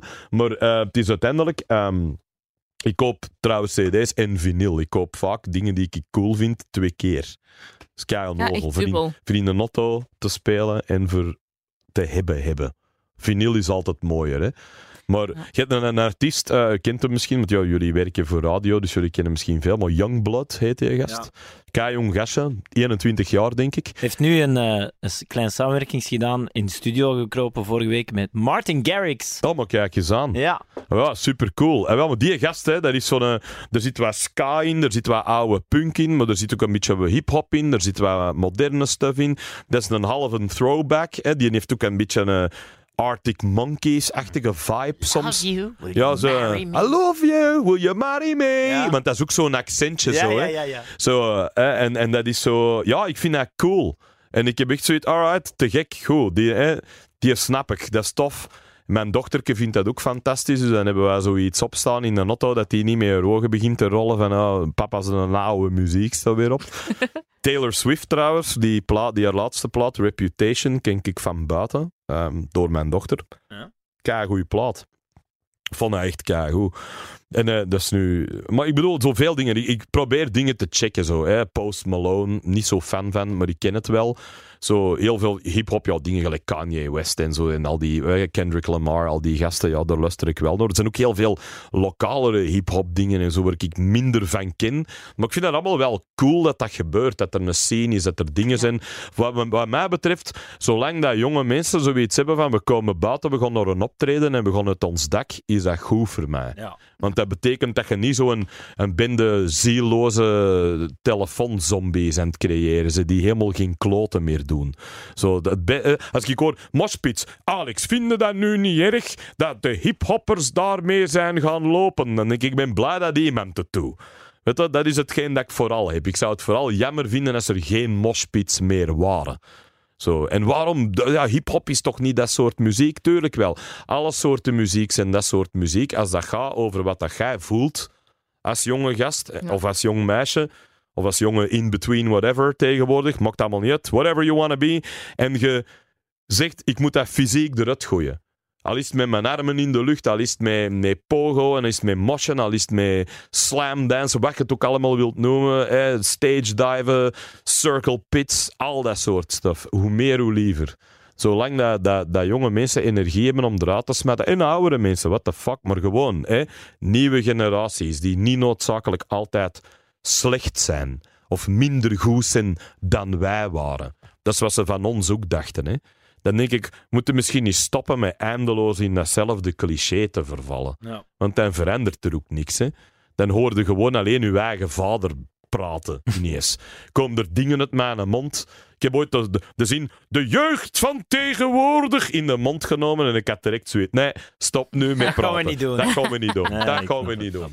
De vijfde vraag, een fysieke vraag. Hoe lang is... Ja, en ik zeg Alex en Alex Agnew door elkaar. Maakt niet uit. Je mocht kiezen. Hoe ik lang zeg zelf is... Alex, maar dat, de- als je Alex zegt, is dat ook Maar bij Alex. Gallier is het echt Alex, hè. Alex. Ja, ja. Ja, maar die heeft... Dat, ja, maar dat is ook... Dat is, die is een accent, hè, waar die vandaan Alex. komt. Dat dat is een Alex, hè. Ja, ja, Alex. Dat is geen een Alex. Ah, ja. Maar dus vraag 5. Hoe lang is Alex Agnew? Hoe lang? Hoe groot? Hoe... Ja, Ehm, ik ben denk ik een meter 78. Ik ben niet zo heel groot. Ehm, ik ben ook niet belachelijk klein, maar ik ben zo'n enorm middenmaatje. De meeste mensen, als ze mij in het echt zien, eh, zeggen ook altijd vaker: Ja, op tv ben je groter. En dan zeg ik altijd: Hoe groot is dat een tv? Want als ik echt groter ben dan fysiek, de- ja, de- op uw tv dan ik hier nu ben, ja. You have a fucking big television, buddy. maar eh, ja, de meeste mensen schatten mij altijd een meter een in de 80 of Ja. een meter in de 90. Die zeggen ook vaak, je bent magerder of kleiner. Denken ook altijd als ze mij in dicht zien dat ik, dat ik heel groot en heel breed ben, voor, voor een of andere reden. Mooi vond ik ook, op tv ben je dekker. Vond ik ook een hele goeie. Ben je dekker. had zoiets, alright, cool. Denk u dat dat dan niet is in ticht of zo? Ik weet het niet, maar ehm, ja, ik ben dus minder groot dan dat je zou, denk ik. Ik ben maar een meter 78. Ja. Bij deze. Bij deze. De zesde vraag. Eh, heeft Alex Agnew kinderen? Alex Agnew heeft kinderen. Eén kind eigenlijk. Ik heb, eh allee, hè, tenzij dat is gelijk jij met uw vage gezinnen overal over heel de wereld. Eh, God weet hoeveel dat, dat we er eigenlijk hebben, hè, Maarten. Maar eh, nee, Dat zul ik, je nooit weten. Hè? dat zult je nooit weten. Dat komt uit als ik dood ben. Hè, zo. Ineens zo massa's volk dat er binnenkomt. Wij, dat, is, pa- is papa dood? Hè, zo kijk al mensen, oh, wie is dat? Maar, Het andere gezin. ja, zo, dat, an- die, die andere vijf gezinnen. Nee, nee. Nee, ehm, ik heb één dochter, eh, die heet Amy. Ehm, die is nu tien jaar oud. En eh, we hebben het daar ook eh, bij gehouden bij eentje. Hm. Ehm, wat, wat ik denk dat eh, iedereen voor zichzelf kiest natuurlijk. Maar wij hadden het soort leven. Ik en mijn vrouw. En mijn vrouw bouwt het café De Joker uit in Antwerpen. En wij hebben sowieso al nogal redelijk onregelmatige levens. En wat ook natuurlijk zo is, is één kind kun je heel veel aandacht geven. Als er twee zijn, dan moeten beginnen jongleren. En Hmm. mensen die meer kinderen... Ik weet niet of dat jullie... Hebben jullie kinderen? Nee, ik heb geen kinderen, maar ik ben zelf ook wel enig kind. Voilà. Hè? Ja. Dan, cool. Ik heb Ben er... daar blij mee? Ja, ik vind dat tof. Ja. Ik heb het altijd tof gevonden. Ik heb nooit gedacht van... Ah, maar ik had graag een broer gehad. Of Ja. totaal niet. En op het moment dat ik, dat ik zo iets ouder werd, zo, zo acht of, of zelfs jonger, zes, zeven, acht, dan kwamen er gewoon vriendinnetjes spelen van twee tot vijf op woensdagnamiddag. En Voilà. dat was even tof. Dat En dat was drama, omdat ik mijn speelgoed moest delen. Hè. Ik vond het toffer als die weg waren, want dan kon ik er alleen Dat mee. is goed, hè? Dat is goed, hè? Ja, je leert niet delen, dat is goed. Dat Voilà. Ja, maar mijn, mijn, mijn dochter is een beetje hetzelfde. Die heeft ook heel veel vriendinnetjes en die komen Voilà. ook vaak slapen en zo. Al dat soort. Hè. Tegenwoordig wordt dat veel meer gedaan. Hè. Men vroeger, ons vrienden, wij gingen wel dingen doen, maar nu is dat met sleepovers en feestjes en om de vijf botten is er iets te doen waar je Ah, die ja. naartoe moet brengen. Ja, die hebben een drukker sociaal leven dan dat ik heb. Ja, want Maarten heeft dus twee kinderen, dus dat wordt... eh, Ja, ik heb er Ja, juist nog één gemaakt. Oh, Maar ik ga- ik- gefeliciteerd. Dankjewel. En wat hebben de meisjes, jongens? Ik ja, heb eh, midden november een meisje gekregen en ik had al eh, een twee jaar ouder, dus enfin, eigenlijk niet. Hij Ja. moet nog verjaren. Eh 4 januari wordt hij twee. Oké, hoe heet ze? Leon en Ella. Leon en Ella, cool. Ja. Goeie namen. Ja, ik vind het ook wel. Ja, dat is tof. Ja, de- ja, die zijn nog heel jong dan eigenlijk. Maar Ja, ik snap zijn, wel eh, wat je bedoelt, want het is wel, voor mij is dat wel de max. Want ik vind dat nu al eh, een heftige zo. Ja, Eh, zo twee kinderen. Dus, eh, dat zal wel. En, en wat, wat, wat ik ook heb met twee kinderen is babysit gewijs gerakte die minder gemakkelijk kwijt dan eentje. Hè. ja. Dat zijn allemaal zo dingen, maar wederom, hè, zoals ik altijd zeg, iedereen moet ermee doen wat dat hem wil. Je, hebt, je hebt ook eh, toch wel de voorbije jaren ook wel weer terug een klein beetje een, een trend van terug grotere gezinnen. Hè. Je hebt echt mensen die zo vier kinderen My en zo. En dan denk ik, holy fuck man, in deze tijd, where do you find the time? Hè? Die hebben dan meestal allebei nog carrières. Dat is een, een, een heel gezongleerd, een heel Dat week snap lang. ik niet. Nee, met, Want- gro- met grootouders, met Oh. babysits, met, met... Ja, dan ga je dan... Want dat- ik merk dat dan met mijn vrouw nu. We hebben één kind. We hebben alle twee eh, eh, de dingen die wij doen. En eigenlijk de meeste gesprekken die ik voer met mijn vrouw, dat zijn van die afspraakgesprekken. Ja. Ja, eh jij doet vandaag dat, ja, dan doe ik dat. Ga, wij, gaan die, ga jij die halen? Ja, ik zal ik die gaan ophalen, dan kun jij zo dat. En dan denk ik, man, doe dat eens met vier van Oh, die waarschijnlijk. mannen, man. Dat is, dat is niet normaal. Nee. Wij, wij hebben dat al met één, met één dochter, en dat is ook niet de moeilijkste of zo. Dat je letterlijk, als die in haar bed ligt, gaan wij met twee voor de tv zitten en zo na een halve film lieden er al met twee zo bijna in slaap te vallen. Dat je denkt, ja, ik weet het niet, ja. Het, is, eh, het, zijn, het zijn toch voor een of andere reden voor iedereen drukke tijden of zo. Zo lijkt het. Maar wij- wij- ik zit met een avondspits en mijn vriendin was logopediste, dus dat is ook vaak s'avonds. En die is nu een jaar gestopt met werken. Die, eh, die zei, en wij kunnen dat net nog managen met de DJ-sets in het weekend die ik soms doe. En dat, Ja. dat lukt zo net. Maar ik snap niet hoe mensen met twee 9 to 5 werken en kinderen hebben. Ja, Ik vind dat crazy. Ja, ik vind dat ook gestoord. En toch is het voor veel mensen Tuurlijk. nodig, want alles, de, niks wordt er ook goedkoper op. Hè. Nee, dat is ook het grappigste van allemaal. Dus je moet het allemaal wel blijven, blijven bolwerken. Zo. En eh, ja... Maar één dochter, ik ben er wel blij mee. Het is wel een, eh, het is wel een figuur. Zo. Ze is wel grappig. Zo, ik moet er wel mee lachen. Die heeft goede humor ook. Dat is een beetje... Ze is ook eh, redelijk ehm, creatief, muzikaal. Zo dat. Werd totaal niet gepusht. Hè. Niet door mij, nog door mijn vrouw. Maar ze zat zelf zo de... Mijn vrouw is muzikant eigenlijk van opleiding. Dat is een dwarsfluitiste, die heeft conservatorium gedaan. En mijn dochter speelt nu piano en die wou dat doen en die vond dat leuk en die volgt notenleer. Tof. En die zeilt daardoor. Dat is een van de saaiste dingen dat er bestaan, notenleer. Is- Ik heb het zelfs nooit gehad, want ik kan geen noten lezen, maar ik heb dan een oor of zo, hè, zoals dat dan heet. Maar voor de rest, ja, dat is, dat is tof. Ja. Die, die, die, vindt, die vindt optreden al cool, dus ik weet wel dat die waarschijnlijk een beetje daar naartoe, maar je weet het niet. Het kan allemaal nog veranderen. Is nog tien. Ja. Weet op haar twintig heeft hij ze weet, nee, accounting, dat gaat het worden. En dan denk ik, goed, dan doe ik aan mijn boekhouding. Dat is lekker handig. Maakt mij allemaal niet uit, dat ze maar doet wat ze wilt. De zevende vraag dan. De zevende vraag. Waar woont Alex Agnew? Waar woont Alex Agnew? Ik woon eh, in Mortsel uh, nu, Ah, ja. sedert uh, twee jaar.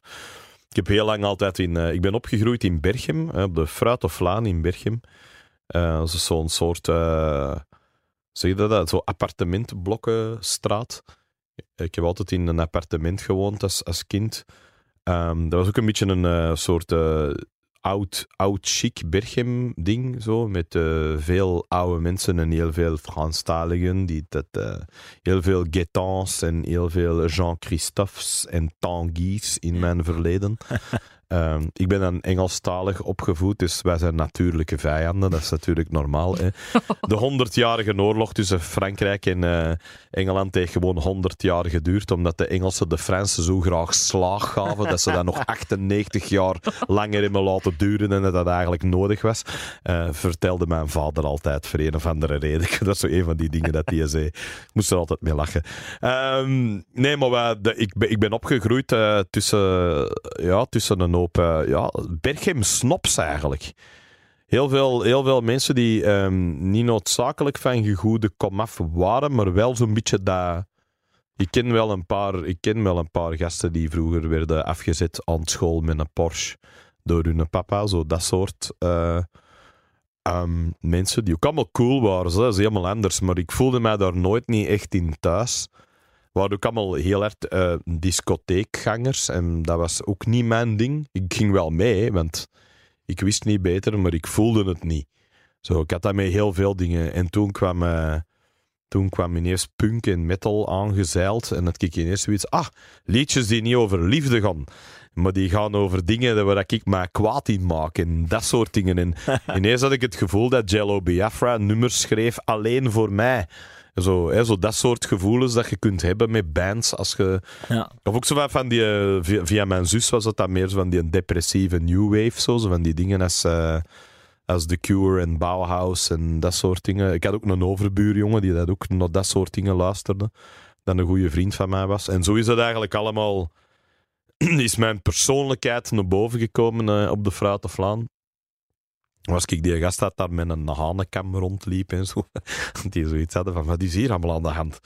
Kwam ik in de supermarkt aan en dan zaten er zo van die vrouwen achter de kassa in een Deleuze op de Fruit of Laan die mij al kende van een klein kind. En die zei, allee, wat heb je daarna mee waar gedaan?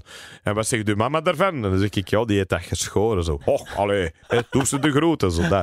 Dus het was, ook, het was ook zo rebels, was het ook allemaal niet. Hè. Het viel allemaal wel mee, maar het was zo, ja, dat heeft, uh, dat heeft wel mijn persoonlijkheid een beetje gevormd van, van zo op te groeien tussen tussen mensen waar ik al meteen van voelde, ja, dat is niet voor mij, dit. Ja. Ik weet niet wat het dan wel is, want ik had toen geen idee. Maar ik voelde al wel van, ja, hier voel ik mij niet thuis. Zo. En niet over luxe, want luxe kan ik best mee leven. Zo. Dat is echt geen probleem. Maar het gaat eigenlijk veel meer over een, een mentaliteit, een soort... Um, ik, ik, ben altijd een, heel erg een non-conformist geweest. Iemand die... Uh, eigenlijk wat ik nog mooier vond, was... Ik denk dat Karel Michiels het ooit heeft gezegd van de standaard. Die zei ooit tegen mij... Wat ik zo leuk vind aan u, is dat je een subversieve gedachtegang hebt. Jij bent iemand dat altijd de neiging heeft om zo ergens naartoe te gaan met een gedachtegang waar mensen zeggen, wat? Is dat waar jij naartoe gaat? Is dat wat jij doet? Zo, hoe werkt die kop van u? Nou, ik weet niet waarom dat, dat is, maar dat, ik heb dat altijd gehad. Ook als kind en zo. Ik, ik was altijd zo'n beetje die, uh, Die, eh, ik was nooit die coole zo op school. Niet die, eh, of of de, de, de grapjas van de klas, wat ook vaak bij comedians is. Oh, de class clown. Ik was die ene dat zo aan het tekenen was en zo uit het raam aan het zien was en niet aan het luisteren was. Omdat het mij niet interesseerde. Waar ze zo tegen moesten zeggen, hij moet, als hem zijn best zou doen, dan... Zo, Ja. den die. Ja, ja. Den die. Dus, eh, dus ja, ik, eh, ik, ik- dat was een vreemde omgeving voor mij om op te groeien, maar waarschijnlijk degene die ik nodig had om Hm. te worden wie dat ik ben. Zoals bij iedereen waarschijnlijk zo is, denk ik. hè. Ik weet het niet. En ook Oh. altijd in Antwerpen gebleven. Dat wel. En nu in Mortsel, hè, want dat, wat een andere stad is. Hè. De Ja, stad ja, ja. Mortsel. Ja, ja, maakt uw eigen niks wijs. Hebben ze mij Ja. daar ook verteld. Ja, dat is de stad eh Mortsel. En ik had echt zoiets, really? Hè, zo, ik moest er wel wat mee lachen. Maar eh, dat is wel tof, want dat, was, dat is een huis met een, met een tuin, hè, zo, zo'n, eh, met een grote hof erachter, wat, wat mijn vrouw had. Die is van Braschaat. Dus en die is altijd opgegroeid in een huis met een hof en, en met kiekens in en zo. En nu hebben wij ook drie kiekens. Zo weet waar ik ook altijd van denk, wat? Zo, van die dingen die ik... Ik ben, ik ben echt urban boy, hè. Ik ben die gast die dat zo foto's van zijn eigen trekt aan een graffiti-muur, zo. Dat is wie dat ik ben. Ja. En daar zit ik zo in, eh kijk eens aan, bomen en dat en kiekens en, en cavia's en van die, van die Mijn dochter en mijn vrouw, we gaan geen hond, een hond. En ik zeg, ah, nee. Maar ja, dat gaat er dan waarschijnlijk toch van komen, want wat maakt dat nou uit? En dan ga ik jij ermee En wandelen, want jij hebt waarschijnlijk echt heel de tijd zo met dat beest mogen gaan wandelen. dus dat zijn allemaal zo van die dingen. Ja, dat is zo. Ik ben een beetje, hoe zeg- dat? hè? Domesticated of zo, Ja. op bepaalde vlakken. Ja. Voel ik dat ook wel, dat je zo'n klein beetje meer... ehm, maar ik kan, dat ook wel, ik kan er ook wel van genieten nu, want dat is zo'n soort rare buurt waar ik woon. Dat is zo tussen twee spoorwegen. Eh, en dat is, dat is echt een woonwijk. Als je daar buiten wandelt, heel veel groen en zo, dat je het gevoel hebt dat je zo ergens in Braschaat aan het rondlopen bent. En als je dan de straat uitrijdt, dan zit je keisnel op de single en zit, je, zit ik direct in de stad. En dat waren mijn voorwaarden. Zij wouden een losstaand huis. En ik zei, ja, maar niet in Kalmthout of zo. Ik wil Nee, niet nee. echt ergens gaan wonen Mm. in de sticks. Ik wil echt wel in de buurt van, van de stad blijven. Ja, ja. Dus daar woon ik nu. De achtste vraag zit Alex Agnew op Instagram. Ik zeg nu, zit officieel op Instagram, ja, dat is zo. Ehm, ik doe dat meestal samen met de Andries, doe mijn sociale media. En die, die post dan dingen, of die stuurt naar mij, ik kan dat erop zetten, is dat oké. Mijn quotes op Twitter en dat soort dingen zijn allemaal die van mij, maar dat is altijd dat hij naar mij stuurt. De die is dood. Heb je er iets over te zeggen? Oh ja, blablabla. en dan zet je dat erop. Ik ben, niet zo, ik ben zelf niet zo'n aanwezige op eh, sociale media. Je hebt ook nog zo'n eh oldschool, een nieuwe 3310, Ja. heb ik gezien. Ja, ja zo'n Nokia 3310. Daar kun je ook niet veel mee doen qua social media. Je kunt er geen hol mee doen Nee. met social media. Maar dat is goed. Ik vind dat goed. Ik heb dat ook niet nodig. Ehm, hè, ik, ik, ik, wil, ik wil mij kunnen vervelen. Dat is vooral hetgeen dat ik, waarom dat ik dat ding heb. Zo zelfs als Snake Up, dus het wordt ook gevaarlijk. Hè? Ja. Ik nu de neiging heb om zo wat Snake te spelen. Dat ik merk wel dat dat helpt dat je naar de wc moet. Dat je zo even bezig moet zijn met zo Snake, wat ja. Snake. Maar eigenlijk, waar, waar ik van... Hè, dat is geen statement tegen smartphones of zo, want ik ben niet zo iemand dat... Hoewel dat ik wel moet zeggen dat... Hè, we hebben er straks er ook over gebabbeld. eh, dat smartphones, dat dat... Dat dat toch een, een gigantische impact heeft op hoe dat wij met elkaar omgaan. En op heel veel dingen. Hè. Alex Agnew, Ego. Ego, oké. Die Negende. Ja, Amai. ego, ja. Heb je- Ego. nog een uur of vijf? Hoe lang moeten we het daarover Ja, gaan hebben? moeten straks nog op antenne, maar ja. eh, we hebben nog wel even, ja. Alex Agnew, ego. Ehm, dat, was een, dat was een Google-ding, of hè? Dat is iets dat ze googelen Ja, over mij. Zoektermen die samen worden... Maar misschien omdat je er zelf veel over Ik heb het daar wel vaak over, ja. Dus het komt ook terug in mijn shows. Ja. Ik heb ook de neiging om eh, mijn ego er altijd bij te betrekken als een, bijna- bijna een soort persoonlijkheid. Een karikatuur. Ja, wat dat ook een beetje is, hè. Door, ik heb ook een gigantisch ego, ik kan er ook niet over liegen, want anders doe je niet wat ik doe. Maar ik kan dat ook wel in vraag stellen, dat ego. Er kan ook mee gelachen worden, omdat dat ik ook weet dat, dat er is iets heel megalomaan aan mij. Zo, ik heb heel hard de neiging om... om eh, ik heb ooit die uitspraak gedaan eh, tegen mijn toenmalig eh, management.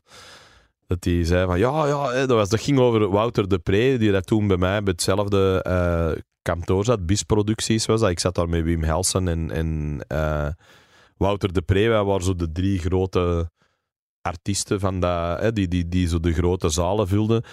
En dan Wouter de Pre had toen het, uh, de slimste mens gewonnen. Ja. En dan zei oh Alex, ja, ze zot de, Wouter wint de slimste mens en zo. Maar ja, dat, hè, die is een populariteit en zus en zo.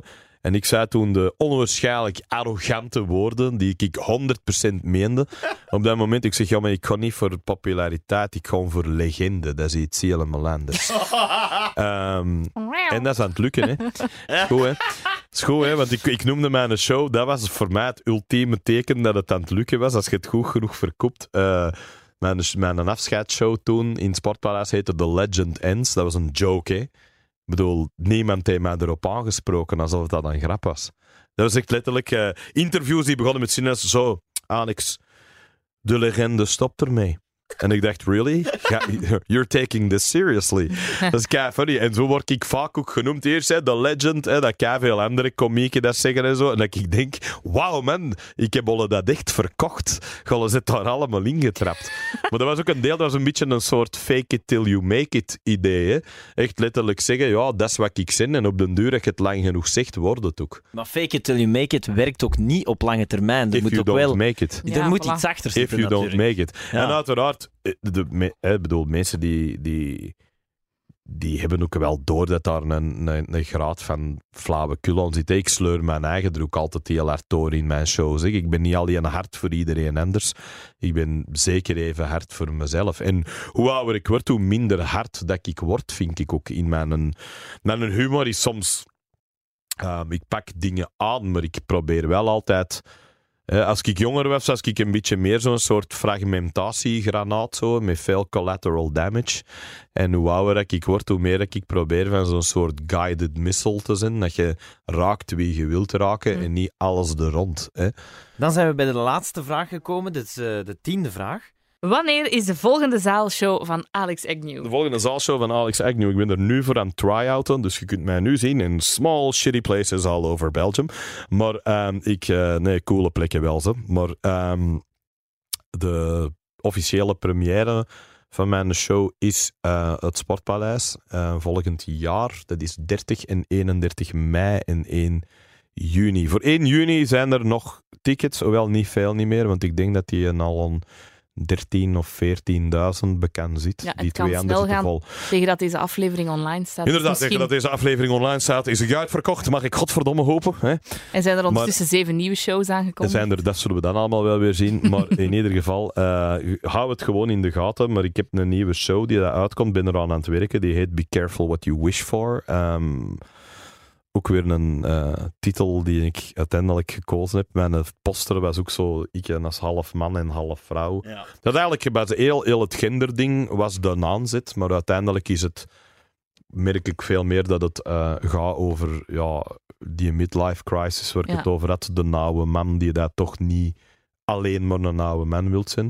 En eigenlijk was die dualiteit ook heel mooi, want dat gaat ook over, over mannen en vrouwen. Maar ja, ik ben ook alle twee hè, op die foto. Ja. Zo, dat is ook het idee.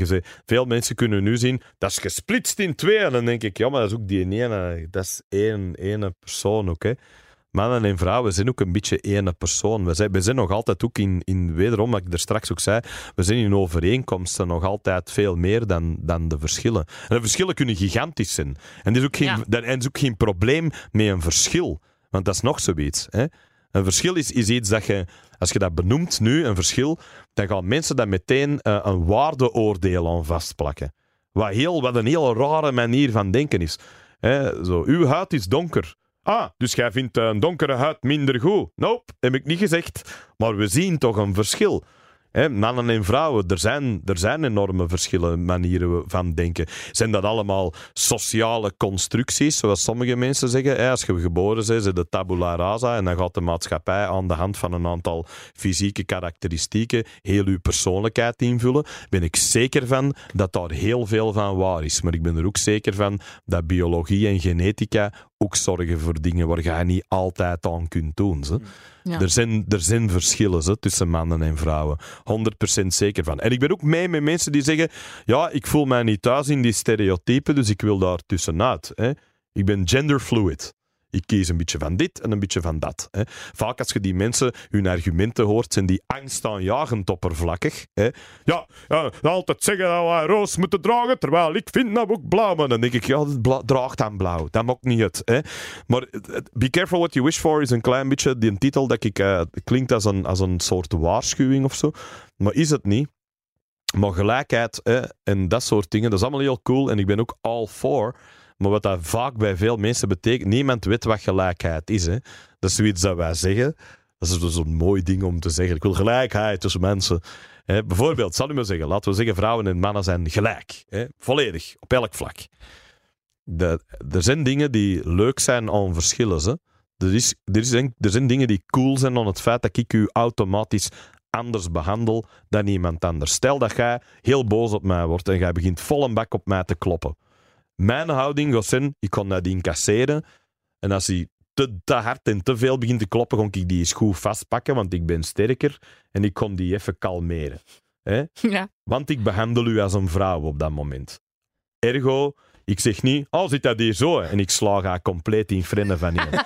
Want, in alle eerlijkheid, hè, in 9 van de 10 situaties met een man en een vrouw is dat hoe het afloopt. Hè. Je hebt een aantal vrouwen die mij een pak rammel geven, ben ik 100% zeker van. Ik heb er ooit jarenlang mee in getraind, die mij karate-les gegeven heeft. De beste lerares dat ik ooit heb gehad. Hè. Dat karateka dat ik ken, in het algemeen, gender niet tegenstaande. Nancy van den Bergen, tweede op de wereldkampioenschappen, Europees kampioen, een van de beste karateka's waar ik ooit mee getraind heb.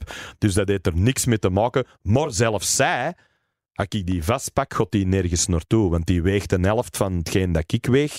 Dat is, dat is een overwicht dat je hebt. Ga voor volledige gelijkheid en dan zeg ik, sla het op mijn gezicht, ik sla even naar terug, hè, man. En je gaat keihard verliezen. Hè? En het gaat niet meer leuk zijn voor niemand van jullie. Dat zijn dingen waar ik van denk, be careful what you wish for. Hè? Elk, elk nadeel heeft zijn voordeel. Hè? En elk voordeel heeft zijn nadeel. Zoals de grote filosoof Johannes Cruijff ooit zei. Ja. Maar dat zijn van die dingen dat ik denk, dat probeer ik gewoon over na te denken. Als je Ja. het hebt over gelijkheid, soms mensen anders behandelen is niet zo slecht. Want we zijn ook niet allemaal hetzelfde. Dat heel idee van gelijkheid is ook weer een mooi, abstract, verzonnen concept. De natuur doet daar niet aan. Natuur doet niet aan gelijkheid. Hm. Natuur doet dan... Als ik op een of andere manier een overwicht heb op u, ga ik dat gebruiken en ga de onderuit. En dat kan gaan van het sterkste beest tot die kleine microop dat zegt, dat maakt maar niet uit hoe groot dat gij is, maar gij gaat eraan. Er is geen, geen eerlijkheid en geen gelijkheid in, in de natuur. En dat is er wel bij mensen, omdat wij over dingen kunnen nadenken. En dat is het mooie. Wij kunnen abstracte concepten verzinnen waar wij, waar wij een betere versie van onszelf ophangen. Hm. Waar wij echt kunnen zeggen, die mensen zijn zwak, die, die, zijn, hè, die hebben een fysieke beperking, die kunnen niet mee. Die hebben een mentale beperking, die kunnen niet mee. Wat doet de natuur? Dat gaat dood. Tuurlijk dat. Vanaf het moment dat er iets anders aankomt dat sterker is, dat zo, sorry, ga ze ten eerste dag gaan. We zullen nu zelfs er naartoe groeien, zodat ze u opeten, zodat wij weggeraken. Want jij bent waardeloos, wat ons betreft. En wij zien dat niet zo. Wij zeggen, nee, nee, jij ook waarde. En jij hebt misschien op een andere manier meer waarde dan dat wij hebben. Of het is eender wat. Dat is mooi. Dat is wat dat wij eigenlijk zijn. En dat zijn wat, wat onze abstracte ideeën, waar dat die goed voor zijn. Hm. Dus en dat is, dat is een beetje waar met, met, dat is veel intelligenter dan de grappen die ik maak. In mijn show merk ik nu al. Als ik nu maar een uitleg doe over die show, denk ik, I'm gonna have to step up my game tegen, tegen juni. Want tot die toe is de helft van de tijd moppen over mijn Piet. Maar ehm daar eindigt het altijd bij mij. Hoe hard dat- of hoe diep dat mijn eh, zogenaamde eh, onderwerpen ook zijn. Maar ik wil gewoon maar zeggen, dat zijn, dat zijn zo de dingen waar ik, waar ik nu momenteel heel hard mee bezig ben. Een beetje andere stokpaardjes dan in mijn vorige shows. Eh, geen religie, heel weinig. Eh, de Joden komen er ook niet in. Relax. Hè. Misschien één grap puur voor die klacht hebben. Al mijn shows hebben al een klacht gehad, dus ik vind dat dan deze er ook een moet hebben. Puur om ze wat te ambeteren. Maar ehm, ja, dat, dat, is, dat, is wat het, dat is wat het is. Ja. Het is een beetje een pleidooi voor, eh, voor nuance en ook voor, ja, be careful what you wish for. Weet, wat dat je... We weten allemaal niet meer wat dat we willen. Zo. We, roepen alleen maar allemaal dingen tegen elkaar. Ja, als je nu aan de meeste mensen zou vragen, ja, maar wat, wat, wilde, wat wilde nu eigenlijk doen? Hè, dat is, zo'n vraag die ik altijd heb willen stellen aan, aan Fouad Belkacem bijvoorbeeld. Ik vind dat jammer dat ik nooit met hem eens in een talkshow gezeten heb. En dat ik zeg, oké, die islam van u, verkoept die niet aan mij. Wat, wat, wat, ga jij komen bijbrengen? Wat ik van zeg, ah, wel ja, nu ben ik mee met wat dat jij zegt. Want al wat dat die ooit heeft gezegd is de westerse decadentie en de dit en de dat. En, en het is allemaal naar en wij zullen er staan. En zelfs als je naar de bodem van de oceaan gaat staan, wij op u te wachten. denk ik, wat staat er te doen? Zo, wat, wat, wat, is uw, wat is uw bijdrage aan de wereld? Alleen islam is goed, maar waarom is dat goed? Michael van Peel noemde hem ooit die voorop het boom. Die voorop het boom. Maar dat is een voorop het boom. dat is ook de job. Maar het is meer dan dat. Want hè, ik, ik, ik lachte er ook vroeger altijd mee. Ik had zo'n... Hè, wie was het? Was het Yves de Smet, denk ik? Van de morgen, die hem altijd de, stevast de clown Belkacem noemde. Maar ik heb een, een goede maat, die, werkt bij de, die werkte toen bij de federale politie. Die heeft daarna bij de moord gezeten en die zit nu bij de terreur. En die heeft tegen mij ooit gezegd: Moet er niet meer lachen, ze. Die gast heeft connecties. Die is bezig met dingen. Die kent volk. Dat is niet goed. En dan denkt hij: Ja, dat is inderdaad een beetje een voorraap, nog wel een gevaarlijke voorraap. Tuurlijk, ja. En dat zijn, en dat zijn mensen, dat hadden we toen natuurlijk ook, dat was heel die schild- en vrienden-discussie. Hè. Moeten we daar wat mee lachen? Ja, misschien. En aan de andere kant dat je er zo een op een, op een vlag van een Vlaamse leeuw ziet zitten met een AK-47, die is echt klaar voor de strijd. Ja, je moet er maar zo een hebben, hè. Ja. Die in een school binnenwandelt en uh, 80 migrantenkinderen kapot schiet. Ja, doe het maar. En wat dan? Waar zijn we dan? Terug naar af. Dan gaan we weer naar twee jaar geleden. Herinner u twee jaar geleden nog? Toen we hier allemaal zaten. Ja, de statistieke kans dat je iemand gaat kennen die sterft in een aanslag. Ja, we gaan daarmee moeten leren leven. Hè. En wat is het? Ze waren de moslims het beu. Of waren, moesten er gewoon een paar wetten doorgestemd worden en moesten er ineens voor de verkiezingen moesten er een paar dingen gebeuren. Soms ben ik een beetje een rare conspiracy theorist, hè. maar ik kan soms van die momenten hebben dat ik denk, het is toch allemaal wel heel toevallig. Hè? Ja. Dat dat altijd op dat... En dan gaat dat ineens allemaal terug liggen. En die financiële crisis waar we nog altijd voor aan het betalen zijn, daar, daar liggen we niet van wakker. Hè. Zo, zo van, die, van die CEO's die zeggen: Oh ja, we, gaan maar, we zijn weer terug opnieuw begonnen. Als we daarover nadenken, dan ploft onze Dan worden zat, ja, inderdaad. Zat. En, en, ja, dat is wat mijn leven is. Ik denk daar dan over na. ja. En ik probeer, ik probeer daar hier en daar af en toe van tijd tot tijd eens wat grapjes over te maken, zodat ik, uh, zodat ik dat aan kan. En dat kan je dus gaan bekijken in het Sportpaleis. Uh, be careful what you wish for. Merci. Alex zegt nu om Zeer zitten. graag gedaan. Dat was super fijn. Het was ook de langste. En we zijn nu toch al... Uh... Dat zal godverdomme zijn. Daar ging al, ik voor. Al laatst in september vorig jaar bezig. Dus, uh, dat is de trofee is voor jou. Dankjewel. Merci Alex. En, uh, Zeer graag gedaan. Mochten mensen het nog niet doorhebben na het luisteren van deze podcast, Welcome to the AA is een heel, heel, heel fijne podcast. Blijf dat vooral doen. Het is echt een heel, heel toffe podcast, vind ik. hartelijk bedankt. Merci. En, Merci dat je mij gevraagd hebt. Het was heel cool. Heel graag. Heel fijn. Tot de volgende. Ja. Yes.